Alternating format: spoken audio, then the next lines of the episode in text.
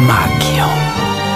Dzień dobry, dzień dobry. Dzisiaj mam zaszczyt i przyjemność powitać i nareszcie zobaczyć na żywo piękną kobietę, panią Aleksandrę Szarłat.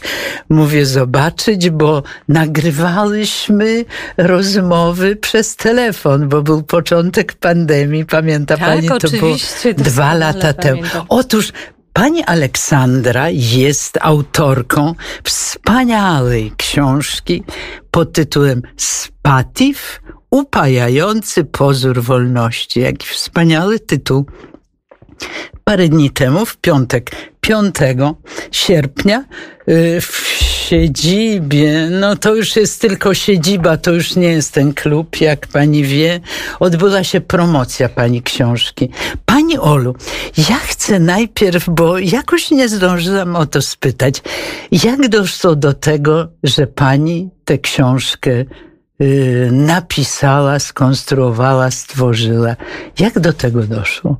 Przede wszystkim dzień dobry Państwu, witam serdecznie mm, i bardzo dziękuję za piękne słowa Pani Joannie, który jestem ogromną fanką, to muszę powiedzieć, to dziękuję. muszę powiedzieć od razu, bo jest to osoba niezwykła, naprawdę, absolutnie Ach, niezwykła. Nie przesadzajmy z komplementami. Nie, nie, nie, ale jest to, jest to absolutna prawda i chociaż rzeczywiście tutaj y, mówi szczerze Pani Joanna, że rozmawiałyśmy przez telefon, wiele razy, to pomimo, że dzielił nas ten, ten niewidzialny drut tak. telefoniczny, to no, dla mnie jest osobą niezwykle bliską i serdeczną.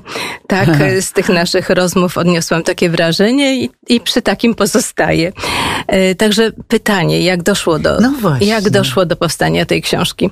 Ja od dłuższego już czasu właściwie zajmuję się, sama nie wiem właściwie jak to się stało, czasem minionym, tym co, tym co było. Moją pierwszą książką była książka prezenterki TelePRL a napisałam ją 10-12 lat temu, kiedy już dawno tego PRL-u nie było i nie było takiej telewizji, jaka, jaka wtedy była. I ja napisałam, napisałam właśnie taką wspomnieniową książkę i o Szczepańskim, i o tym, co było w telewizji. Mm -hmm. Później kolejne, kolejne moje książki to były, były historie zapisane w czasie. Więc y, mogę powiedzieć, że to drążenie... A Andrzej Andrzej to Żuławski bliska mi bardzo Andrzej osoba. Żuławski. Właśnie, proszę coś o tym powiedzieć. no ja... właśnie, to jest przedostatnia moja książka tak, przed tak, Spatifem. Tak, tak, tak. Szaman Andrzej tak, Żuławski, właśnie. taki jest tytuł.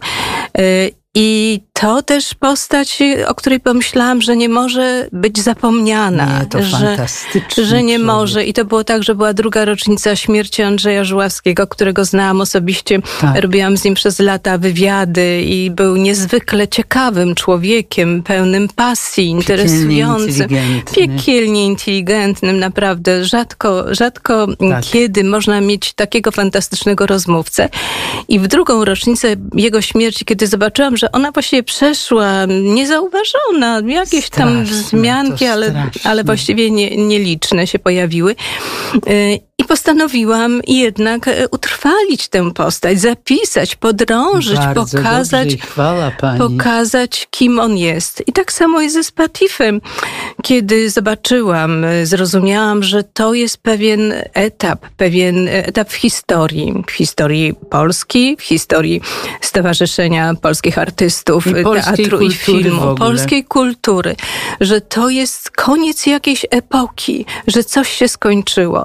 To jest koniec y, polskiej inteligencji w takim znaczeniu, tak. jakim ona była przed wojną, w jakim ona przetrwała tak, tak, tak tuż po wojnie. Więc no, to są takie tunele w przeszłości, które staram się rzeźbić, drążyć y, i zagłębiać się w nie, licząc na to, że czytelnicy moich książek, no a, a już naprawdę, no jestem szczęśliwa, że mam jakieś grono tych czytelników, że oni, że oni się odzywają do mnie, że piszą na Facebooku, mm, dostaję bardzo serdeczne, miłe listy od osób, których nie znam.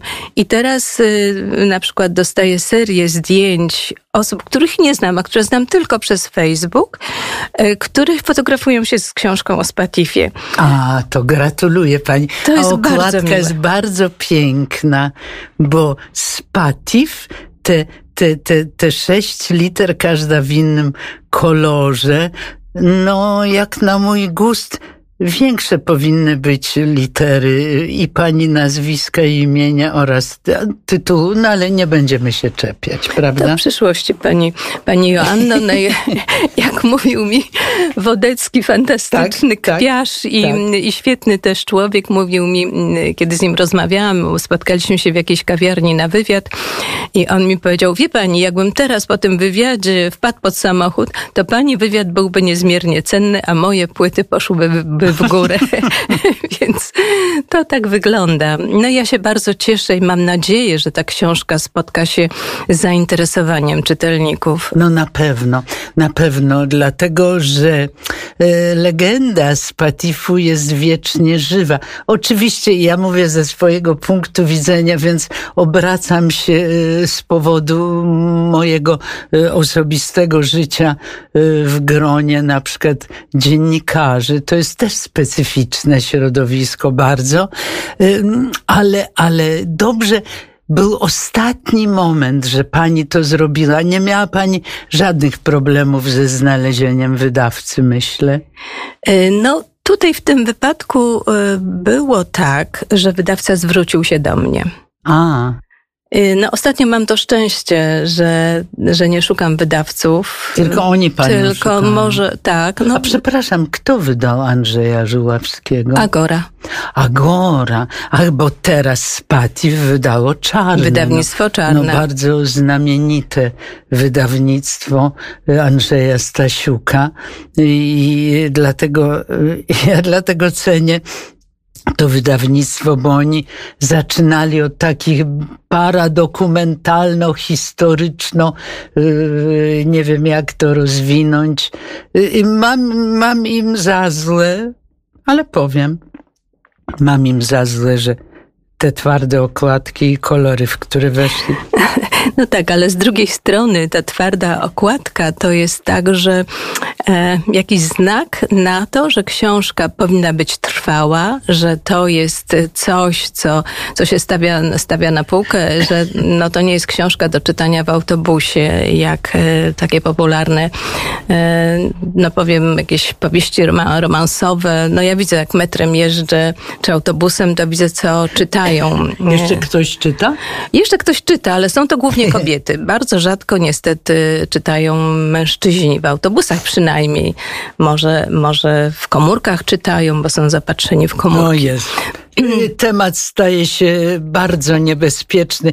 Ja proponuję, ponieważ będzie tu za chwilę mowa o sławnej parze Kalina Jędrusik i Stanisław Dygat, no to od razu wiemy, czego posłuchamy. Pani Olu, ja to ze względów takich czysto egoistycznych, ponieważ y, byłam bardzo zaprzyjaźniona z Kaliną Jędrusik i jej mężem Stasiem Dygatem, albowiem Nikt, nikt z tego wielkiego świata sztuki, telewizji, filmu nie okazał mi tyle serca, tyle uznania, y, co Kalina, spotykając mnie w Krakowie, miałyśmy razem jakiś tam koncert, to były jakieś pokazy mody i śpiewała ona takie wielkie litery jej nazwiska. No ona miała nieprawdopodobną sławę, popularność i te wielkie litery i nazwiska, i takie malutkie litery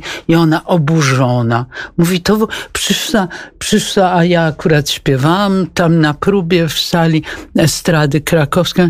Ach, cóż to za piękny głos, jak Maria Callas. I taka była śliczna i taka serdeczna i jak potem się dowiedziałam i z pani książki, i z wielu innych źródeł, to oni nie każdemu tak lubili matkować. Oni mieli swoich wybrańców, tak jak Kazio Kuc na przykład, prawda? I dlatego chcę bardzo, żebyśmy im poświęcili sporo czasu. Jak, jak to wyglądało e, w pani kontaktach? Jakie one były? No, muszę powiedzieć, że osobistych kontaktów nie miałam. No, Już nie. Nie, nie, to wielka nie było, szkoda. Nie tak. było takiej możliwości. Nie. Ja jestem w ogóle wrocławianką i przyjechałam, przyjechałam tak? tutaj. Tak, przyjechałam tutaj na studia doktoranckie, więc trochę też in, in... To pani całe dzieciństwo i młodość spędziła we Tak, Wrocławiu? tak. To zupełnie jak ja. Tyle, No że krócej, bo no, później No proszę, Tak. zawsze wiedziałam, że dużo nas łączy, Pani Tak, Joanno. tak, tak, tak. A pani, a pani, pani rodzina pochodzi z Litwy, bo ja pytałam Mhm. o pani nazwisko, więc to, to są jakieś takie bardzo interesujące kody genetyczne. Mhm, mhm. Tak, e, także nie miałam, nie miałam tego szczęścia, żeby poznać osobiście e, państwa dygatów. Natomiast e, no, są to bardzo interesujące, fa fascynujące postaci. Dlatego poświęciłam im dużo, dużo miejsca i dużo czasu. Również w poprzedniej mojej książce, która też w jakiejś mierze mówi troszeczkę o Spatifie, nie tak obszernie jak tutaj. To się nazywa ta poprzednia książka Celebryci z tamtych lat. A to też ciekawe bardzo. Tak. W którym roku to wyszło? E, No to wyszło jakieś, e, nie wiem, 5-6 lat temu ta książka i ona się cieszyła ogromnym powodzeniem. Pani Olu, wie pani dlaczego pytam? Bo kiedyś w jakimś wywiadzie na żywo, który gdzieś słyszałam czy oglądałam, Jerzy Maksymiuk krzyknął celebryta, a co to jest? Od tego zaczynam książkę. A widzi Od pani. tego zaczynam książkę Więc i pytam, i pytam różne e, osoby istotne tak, dla tak, naszej tak, tak. kultury, między innymi Józefa Hena pytałam, Tak. pytałam też e, medioznawców, tutaj profesorów e, medioznawstwa, pytałam o to, czy istnieli wówczas celebryci. No i bardzo ciekawe były te odpowiedzi. No właśnie. E, Więc y, no tak, tak, tylko w innym znaczeniu niż Aha. dzisiaj. W takim znaczeniu, że celebrytą był ktoś, kto był powszechnie rozpoznawalny. A to nie było takie proste, ponieważ telewizja była właściwie w powijakach, nie istniała, więc tym źródłem rozpoznawalności był teatr i film. Tylko to, więc szlachetne, szlachetne tutaj e, sztuki, bo jak wyglądał pisarz, wiele osób nie wiedziało, prawda? no, były zdjęcia w gazetach, w Ewentualnie zdjęcia, tak. w tygodnikach tak. kulturalnych, Ewentualnie, tak. których było tak, sporo. Tak, tak, tak. Więc y, no to celebryci w takim znaczeniu troszkę, troszkę takim ironicznym, prawda? Bo wiadomo, że celebrytą dzisiaj to jest ktoś, kto nie musi nic robić. Nic. Kompletnie. Wystarczy, że jest i Tak. że ma jakieś... Z kim śpi, Jakiś pije, blog prowadzi, upił, tak, prawda? nie wiadomo, nie wiadomo czemu poświęcony. Natomiast kiedyś to rzeczywiście za tym y, stała, stał dorobek, autentyczny dorobek. Więc no fantastyczne, no przepiękne postaci. Bardzo mi się podobało to, jak mm, Stanisław Dygat określił swój stolik w Spatifie, że to jest stolik dla RIP, dla RIPów. Tak. Czyli RIP to są były resztki inteligencji polskiej. Tak, w odróżnieniu od VIP-ów. Tak, o odróżnieniu od VIP-ów, więc no ba, bardzo piękne. I mm, bardzo było wiele niesprawiedliwych ocen Kaliny Jędrusik, które mnie bolały, z czym się spotykałam właśnie w Tak. takim tak zwanym powszechnym odbiorze. No też powiedzmy sobie, że nie istniały wtedy media plotkarskie, nie istniał mm, jakiś plotek, jakiś pudelek, nie było telefonów komórkowych, więc to też trochę inaczej to życie wyglądało, natomiast funkcjonowała plotka. I ta plotka miała bardzo szeroki zasięg i potrafiła krzywdzić również wiele osób.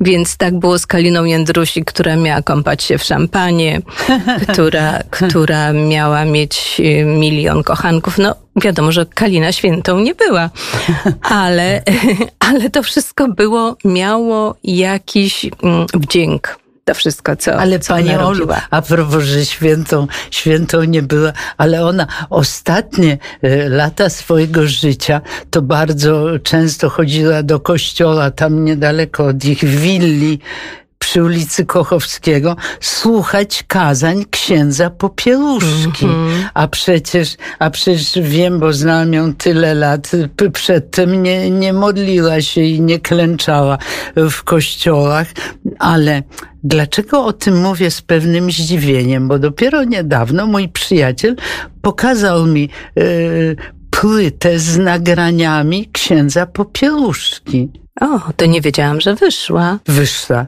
I ja byłam zdumiona, bo to, co ten ksiądz reprezentował, to my wiemy. Ale sposób jego mówienia był bardzo, no, był po prostu nieladny. Był, był taki, powiedziałabym, prosty.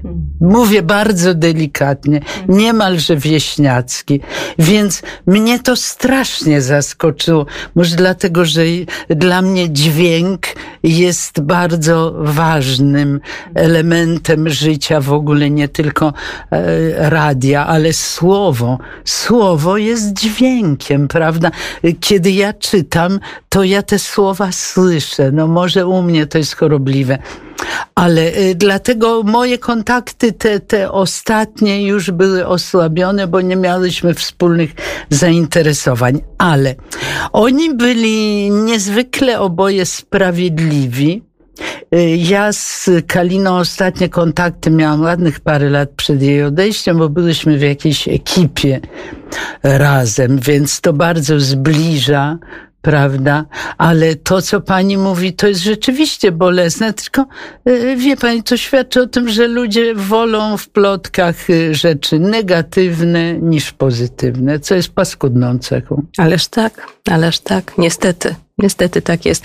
Nam się tutaj przypomniała akurat bohaterka nie, nie tej książki, ale Krystyna Loska, która opowiadała. Bardzo blisko ją znałam, wspaniała. Wspaniała, kobieta. wspaniała tak, osoba tak. i opowiadała, jak jechała autobusem w Warszawie, kiedy przyjechała tutaj z Katowic, ze Śląska. Tak, tak. Przyjechała do Warszawy, no i różnie to było przyjmowane, ten, tak. ten jej awans, tam plotkowano, że to właśnie Bo jej mąż Gierkowi, był działaczem tak, sportowym. sportowym. Tak.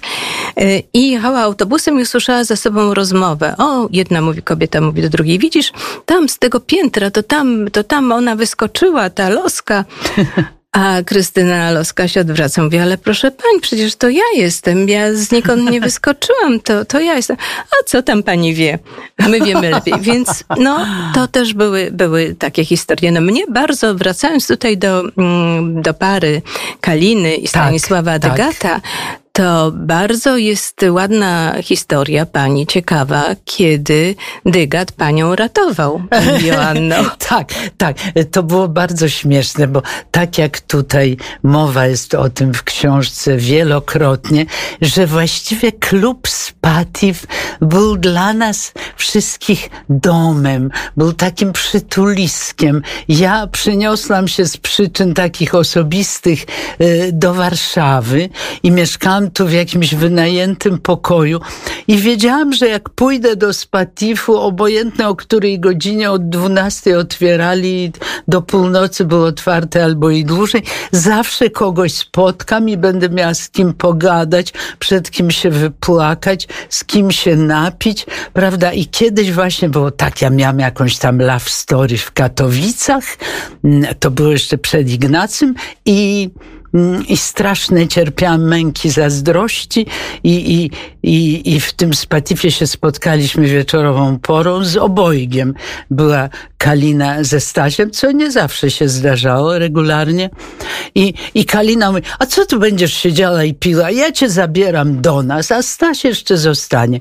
I przyjechaliśmy do nich na Joliot-Curie, to było dwupokojowe mieszkanie na pierwszym piętrze. Ona mówi, słuchaj, masz tutaj, y, tu masz herbatę, a tutaj y, barbituran, to taki amerykański lek na uspokojenie. Stać bierze trzy, tobie dam dwa. A tu masz mój szlafrok, idź do łazienki. Ja weszłam do łazienki i film mi się urwał i obudziłam się w karetce pogotowia na kolanach Stasia Dygata, bo kiedy ja straciłam przytomność, tak mnie walnął ten barbituran, to Kalina zadzwoniła i Staś natychmiast przyjechał, wezwali pogotowie. Ale on mnie zawiózł do szpitala. Mało tego, było bardzo śmiesznie, czy ja o tym powiedziałam tutaj, na zajutrz kiedy no, zrobili mi płukanie żołądka i od razu odżyłam. Rano przyszła pani oficer milicji w cywilu. Nie, nie, nie, mówiłam nie tak. pani. A no nie, właśnie, nie. bo podejrzenie, że koleżanka pani mogła panią chcieć otruć. Nie, może ona tak wprost tego nie powiedziała, jednak Mhm. ta, ta milicja nie była taka głupia, więc bardzo, bardzo, bardzo to było wzruszające. Ale z przeżycie. drugiej strony nie była taka głupia milicja, ale też szukała haków na Dygata i na Kalinę. Aż tak? Tak, ależ oczywiście różnych haków. to, to, to, to myśleli, że, że dygatowie byliby tacy głupi, żeby mnie sprowadzić do domu i u siebie To zatruć. były absurdalne rzeczy. Absurdalne, absolutnie, kiedy było śledztwo mm, w sprawie e, rzekomego gwałtu, bo to nigdy nie zostało w 100% wyjaśnione, mm, jakiego miał się dopuścić Iredyński. I Redyński. Tak, to wówczas też przy tej okazji zbierano haki na Kalinę. Że ona rzekomo miała być na jakiejś prywatce, że tam też jej coś groziło, że, że też mm, tam jakieś były, był, była gra w butelkę pamiętna i że ona w tym brała udział. Takie rzeczy, takie rzeczy można wyczytać w różnych no, doniesieniach, w różnych aktach. Boże, Także w książkach. Także szukano i szukano, bo, bo nie podobało się to, że Dygat był wolnomyślny, że, że mówił jak uważa.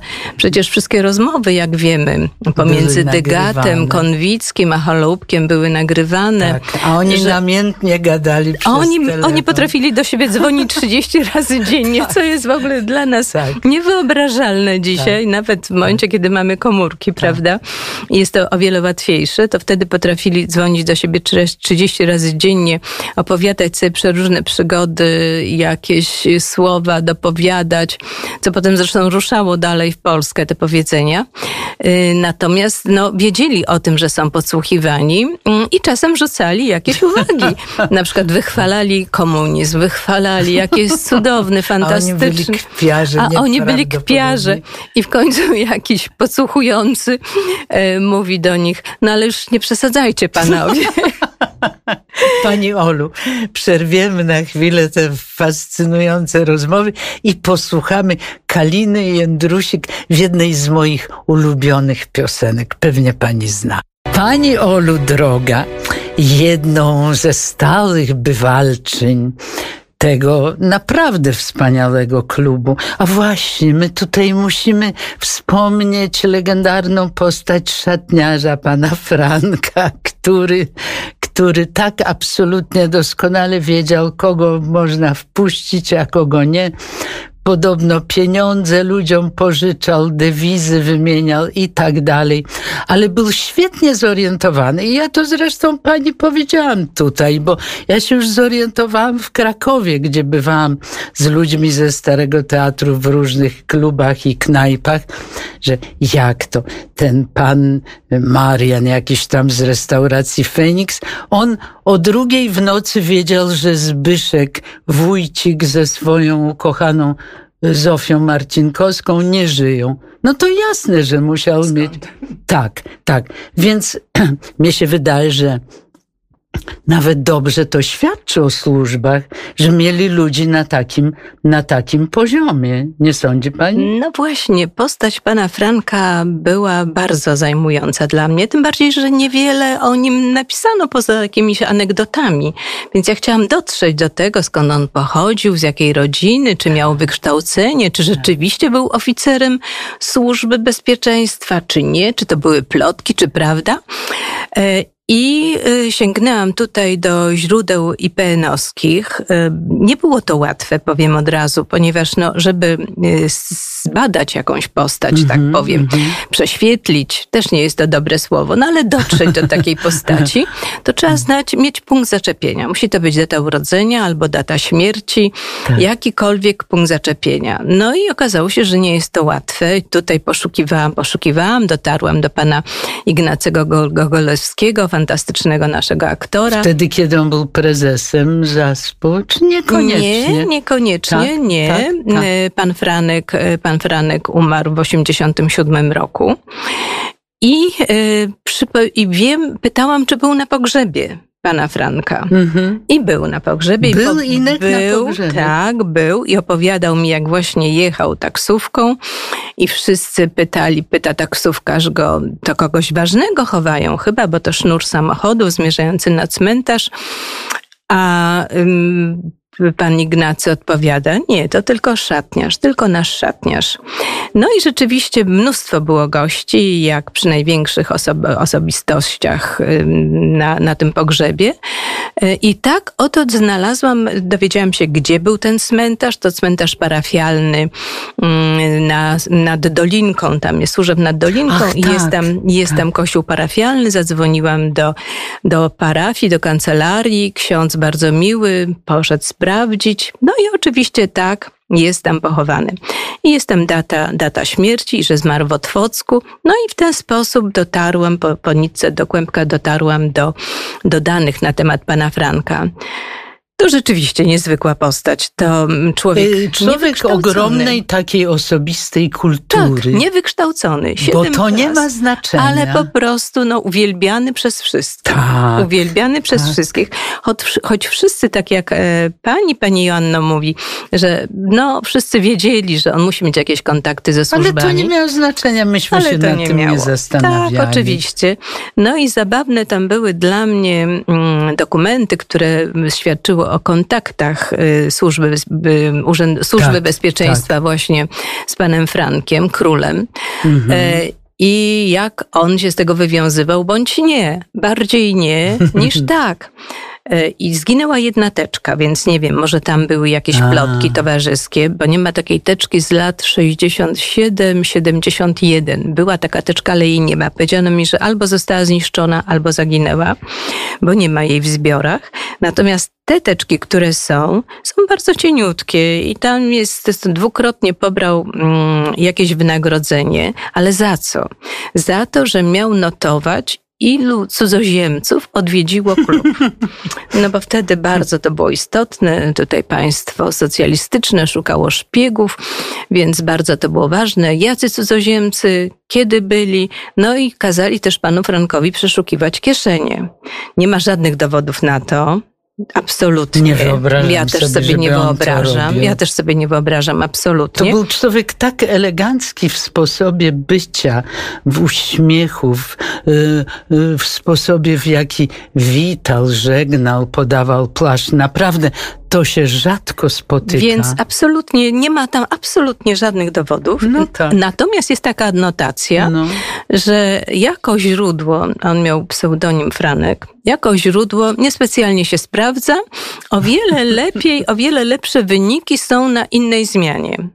Aha, a, miał, a tamtego a miał, drugiego nikt nie pamięta. Yy, owszem, ale ma tak powszechne imię i nazwisko, że właściwie należałoby przekopać cały IPN, żeby w ogóle się do, dostać. Też nie wiem, bo też nie ma w archiwach zaspół, gdzie powinny być dane pracowników w kadrach. Nie ma tych danych. Nie wiem, jak tam jest z archiwami, wolę o nie tym ma. nie ma. No więc, więc po prostu nie było to możliwe, żeby dotrzeć do, do drugiego, do, do pana Adasia, jak mówiono Aha, o nim. A nawet nie pamiętam. Tak, tak, tak, pana Adasia, więc, więc to nie było możliwe. Natomiast Natomiast tutaj z Frankiem była prześmieszna sytuacja, kiedy w jakimś momencie on dostał dwukrotnie mm, jakieś małe, skromne wynagrodzenie, które pokwitował. Jest w książce u mnie e, fotografia tak. tegoż właśnie pokwitowania. Tak. I przy trzecim wynagrodzeniu on powiedział tak: Bardzo dziękuję, ale ja miałem sezon dobry. Proszę te pieniądze przekazać na pomnik Matki Polki czyli szpital, który budowano no, wtedy w Łodzi.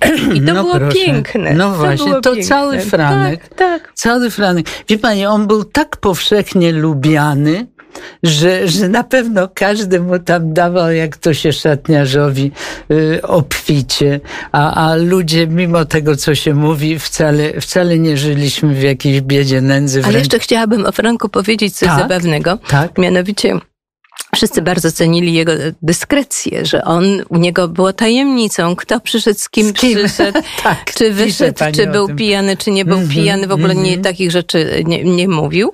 Natomiast zabawne sytuacje były takie, że na przykład dzwoniła żona poszukująca męża, tak, który gdzieś tak. no, zaginął, no wiadomo, Przepadł zaginął przy stoliku, przy stoliku z wodą rozmowną, czyli, czyli wódeczką, jak mówiono. Y, I y, pan Franek mówił, zaraz chwileczkę sprawdzę, czy czy jest, czy go nie ma. Podchodził do stolika i mówił, dzień dobry, najmocniej przepraszam. E, dzwoni pana żona i pyta, czy pan jest. A on mówi, e, ten odpowiadał, nie, nie ma mnie. I Franek wracał do telefonu, a był jedyny telefon wtedy w szatni u pana Franka i mówił, powiedział, że go nie ma. No coś pięknego. No dobrze, to teraz posłuchamy, posłuchamy wspaniałej osoby, która tam bywała ranki, wieczory. Hanna Skarżan. Ach, mój Boże, jak mawiał mój przyjaciel, reżyser filmowy Stasio Lenartowicz, pierwszy goły biust na, na barykadzie filmu o powstaniu. Nie wiem, który to był film. No, potem, potem nagle Hania stała się bardzo pobożna. Ale to się zdarza w najlepszych rodzinach. Hania należy do osób ogromnie mi bliskich. Zresztą ja, ja śpiewam piosenki z jej repertuaru, nawet w jej tonacji. I otóż, co było śmieszne? Hania bywała w Spatifie na obiadach, kolacjach y, ze swoją córką Ewą, która już też była aktorką bardzo piękna zresztą, nie tak całkiem podobna do Hani, troszkę inny typ, no ale one uwielbiały mnie parodiować, bo one się gdzieś tam doszukały w mojej polszczyźnie jakiegoś kresowego akcentu. Co nie jest wykluczone, bo ja spędziłam pierwsze lata we Wrocławiu, to pani wie najlepiej. Tam wszyscy przyjechali głównie e, z Wilna i z Lwowa. To przedniojęzykowe L. A, to, to tak, to, tak, to tak, było, tak. nie, to, to było absolutnie konieczne, tak. to w ogóle nie istniało tak. inaczej. No bardzo się śmiałam, jak pani mówiła o tym, że panią parodiowały, bo sobie wyobrażałam. Prawda? To. Tak, fantastyczne. Natomiast no to wspaniała postać pani Hanna. Hanna Wspaniała, piękna, mądra, I niewykorzystana jednak w polskim filmie. Chyba tak. Niewykorzystana.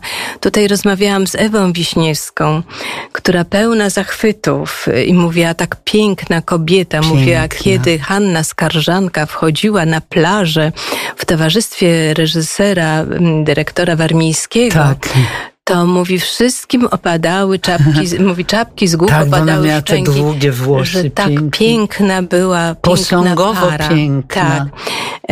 I mm, właśnie Ewa na to zwróciła uwagę, mówiąc, że, że właśnie jakoś Zresztą to jest w ogóle taka tendencja chyba w polskim kinie, że nie bardzo potrafi wykorzystać urodę, piękno kobiecego ciała, piękno kobiet, mm, ich wnętrze, bo to przecież promieniuje na ekran. I wielkie aktorstwo, wielkie którego aktorstwo. już nie ma. Tak. Proszę zauważyć, że Irena Eichlerówna w ogóle nie została wykorzystana w tak. filmie. Ona tak. po prostu przepadła.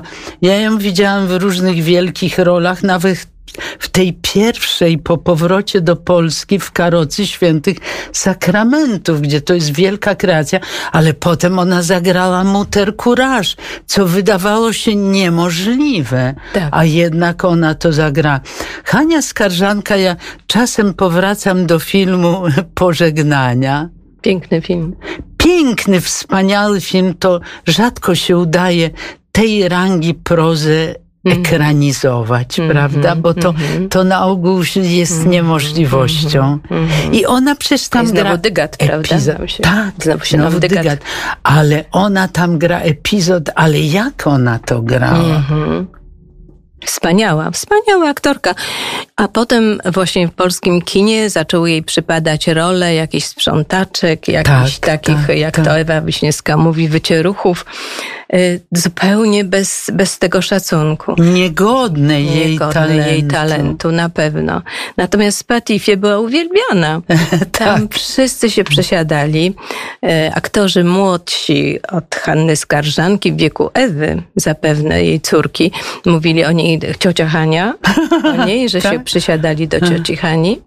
No, no bardzo, bardzo taka mm, istotna postać spatifowska. A, a wie pani, kto siadł przy tym stoliku, bo Ewa, Ewa, Ewa Skarżanka wyszła za mąż za kolegę ze studiów Karola Stępkowskiego, mm -hmm, który mm -hmm. był takim aktorem, powiedzmy, mm -hmm. średniej rangi, ale przeuroczy człowiek. Nawet kiedy oni się rozstali z Ewą, to on pozostał w wielkiej przyjaźni ze swoją teściową. Mm -hmm. Ja do dziś mam z nim kontakty.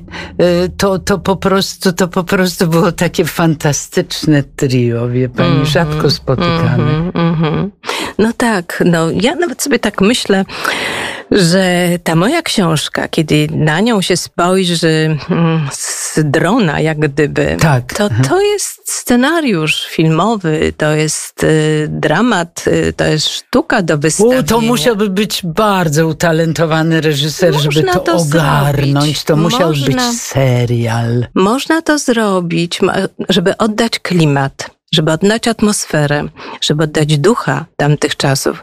Myślę, że, że pani można Olu, to zrobić. To nie jest takie proste. Nie jest. Ja wiem, pani, ja pani powiedziałam, wiem, zadzwoniłam, jak, jak zakończyłam lekturę tej wspaniałej książki, że, że pani Olu zupełnie jakby pani tam była.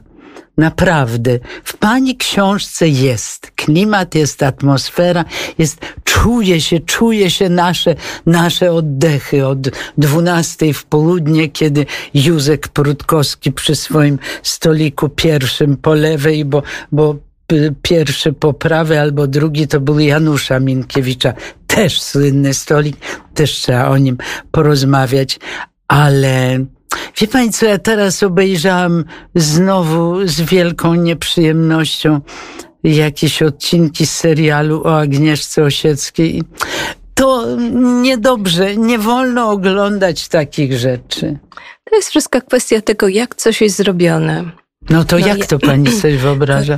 Ja to widzę, ja to widzę tak? i chcę nawet, chcę tak? nawet porozmawiać tak. z jedną dyrektorką e, teatru. E, chcę porozmawiać, bo ja mniej więcej mam taką wizję i widzę jakby to Żeby zrobić być. spektakl? Żeby zrobić spektakl teatralny. A to jest świetny pomysł. O, to bardzo się cieszę. Ale nie wiem, czy to dojdzie do skutku. Natomiast ja, ja to widzę. Ja to po prostu widzę z tego lotu ptaka, widzę ten klub, widzę tych ludzi, widzę te postacie, e, widzę ten, ten klimat, tę atmosferę, muzykę, e, te piosenki, które powstały, utwory, które powstały wokół Spatifu, fantastyczny Osculati, Portugalczyk, tak, I nigdy z nim nie, z... nie zobaczy mnie Spatif. Spatif, Osculati, tak, to Lidia Wysocka tak. śpiewała. Tak, tak.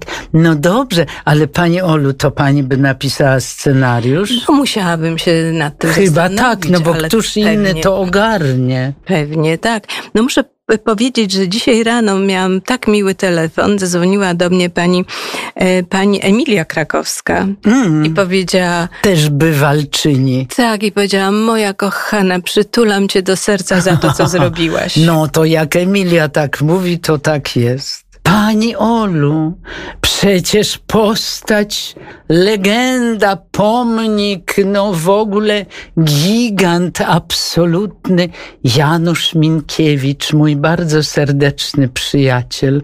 Ach, cóż to był za człowiek? Wie pani, może satyrycy, bo on się uważał za satyryka głównie, tylko wspaniały satyryk taki jak Janusz może mieć tak mądre oczy i tak słuchać człowieka, który do niego mówi. Ja go, ja go poznałam przez Irenę Dziedzic, jak pani wie. E, tak, bo, bo już tam byłam dwukrotnie u Ireny Dziedzic w Teleechu i, i właśnie weszłam i, i wtedy poznałam. I Janusz stał się jednym z najważniejszych ludzi w moim życiu. A wie pani, co on mi powiedział kiedyś? Mówi tak, a teraz, teraz jesteś sławna, wszyscy cię lubią, wszyscy cię podziwiają, wszyscy lakną twojego towarzystwa. Ale jak ci się noga podwinie, uh, wtedy dopiero będą mieli radochę. No ale nie powinęła się pani noga. No nie, nie, na szczęście, na szczęście nie. Nawet z takich dość trudnych okoliczności wyszłam z tego cało. Ale dlaczego o tym mówię? Bo on był niezwykłej mądrości i głębi człowiekiem. Był taki przenikliwy, ja myślę, Bardzo. w tym wszystkim. Co Och, te jego oczy nigdy nie zapomnę. Miał takie wielkie, wielkie, ciemne bardzo oczy i jego spojrzenie. No, postać niezwykła, naprawdę, gromadząca wokół siebie e, takich zacnych bywalców. Y, tam byle kto nie mógł usiąść przy jego stoliku.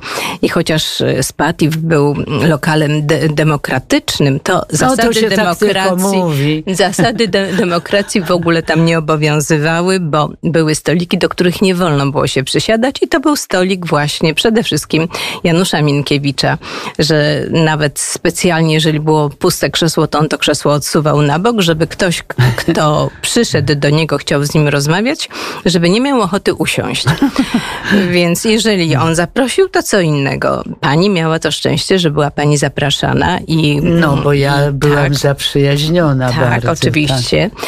Natomiast y, byle kto nie mógł siadać. Tam siadali przy nim e, byli Słonimski. Słonimski, więc właśnie chcę, chcę powiedzieć, że mm, to był stolik, gdzie przenoszono tę tradycję i kulturę dawnej ziemiańskiej kawiarni, słynnej kawiarni warszawskiej, gdzie mm, ona się mieściła przy Mazowieckiej 12, tak, tak, tak, gdzie bywali, gdzie mm, bywali skamandryci. Tam w ogóle zawiązali się w 1919 Właśnie. roku, zawiązali e, formację poetycką, najważniejszą właściwie w polskiej poezji, skamander. I ci skamandryci, jeżeli przychodzili, no też należał tutaj Jarosław Iwaszkiewicz tak. E, do, do skamandrytów, więc jeśli oni przychodzili do Spatifu, to już szczątkowo, to siadali właśnie przy Minkiewiczu. To był stolik, zresztą na Minkiewicza mówiono mały skamandryta, bo on już y, pod koniec y, wojny, czy jest, czy jest koniec lat 30., to on już miał prawo przysiadania się czasem do ich stolika skamandrytów mm -hmm, na, tak, na słynnym półpięterku w Ziemiańskiej. Tak, tak. Więc to był stolik w Spatifie, już wracam do Spatifu, taki bardzo wyselekcjonowani. Y, tam siadywali pisarze, malarze, e, naprawdę artyści, e, piękne kobiety, ale inteligentne kobiety. A, tak. nie, nie byle jakie kobiety miały prawo siadać. Agnieszka Osiecka. Agnieszka tak, Osiecka, tak, tak, z, którą, z którą pani miała też tam tak, kontakty, tak, prawda? Tak, tak, Oczywiście, zresztą przez przyjaźń Minkiewicza z Agnieszką y, on dostał teczkę w IPN-ie. Zaczęto mu się przyglądać, ponieważ Agnieszka wyjechała w 70 roku, wyjechała na Wybrzeże, pisała do niego listy, co tam się dzieje. Tak, tak, tak. No i Minkiewicz dostał teczkę i prowadzono inwigilację przez kilka lat, po czym stwierdzono, że no nie zagraża ustrojowi, w związku z tym sprawa zostaje umorzona, ale nie zmienia to faktu, że cała jego korespondencja, wszystko było inwigilowane. No był wybitnie bystry, żartow, ża, żarty jego były na wysokim poziomie, miał Bardzo. świetne spostrzeżenia, żartował sobie z przyjaciół e, i na przykład potrafił powiedzieć Agnieszce Osieckiej, która mm, nie potrafiła, nie przywiązywała wagi do mody. Była bardzo interesującą, mm, tak, piękną tak, kobietą, tak, natomiast tak. nie przywiązywała wagi. Tak. Kiedy przyszła do niego, mm, pokazując się przed jakimś balem, to on powiedział, o, Agnieszka w toalecie. Więc to miało podwójny wymiar te jego słowa. I jego powiedzenia potem funkcjonowały, ruszały mm, w kraj. Miał y, prześmieszny, prowadził taki kabarecik, właściwie występował w takim kabareciku reklamowym, to z kolei z Marią Czubaszek w radiu, polskim radiu. Mm -hmm. E, i przerabiał znane piosenki, przy których ludzie naprawdę podobno popełniali samobójstwa. Jak ta ostatnia niedziela, to on przerobił na ostatnia makrela. Gdyż no akurat rząd chciał, rząd chciał, żeby społeczeństwo odżywiało się zdrowo, czyli jadło ryby, a ryby były wówczas bardzo tanie. I bardzo smaczne. I bardzo Dzisiaj smaczne. nie ma takich ryb. Nie ma, nie ma. Ale jak już przerobił o nowej to hucie piosenka, co wiadomo było taką budowlą socjalistyczną, takim pomnikiem, na o nowym to bucie piosenka, to niestety tutaj interweniowała cenzura i mm, no, trzeba było to zdjąć, ten jego numer. No był Pani Olu, Pani Olu, wśród tych wielkości musi się też znaleźć Jonasz Kofta, też cudowny człowiek, który zresztą tam się udławił golonką. Ja nawet krótko po jego tragicznym odejściu spotkałam w samolocie lekarzy z onkologii z ulicy Wawelskim. On był absolutnie wyleczony z tych swoich spraw i naprawdę się udławił. Choć przecież miał osłabione te tam, te tam urządzenia w tym miejscu. To, mm, to, to byli ludzie, którzy tworzyli, tak mnie się wydaje, Pani Olu, że jednak ludzie tworzą epokę. Tak, ależ naturalnie. I dlatego tak było, jak było. Naturalnie. Mnie zapytano w jakimś z wywiadów, czy ja opisuję, czy moja książka opisuje miejsce czy ludzi. Miejsce, ludzie tworzą miejsca. A. Gdyby nie tak wspaniałe osobowości, które tam bywały, To by odwiedzały, nie było. nie byłoby takiego spatifu, jaki był. Istnieje Olu, nadal, I wszystko się kończy. i ale nie nasza... taki, prawda? Nie taki. I nasza rozmowa się kończy. Ja ogromnie Pani dziękuję, że Pani w ogóle o mnie pomyślała, że ja się tu znalazłam w tym, w tym wspaniałym dziele, a Pani gratuluję gorąco i życzę, żeby coś z tego wynikło.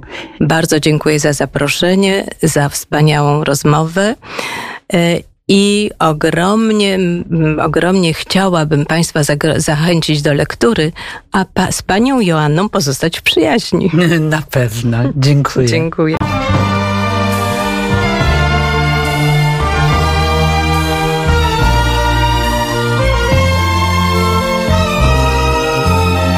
Sztuka jest magią.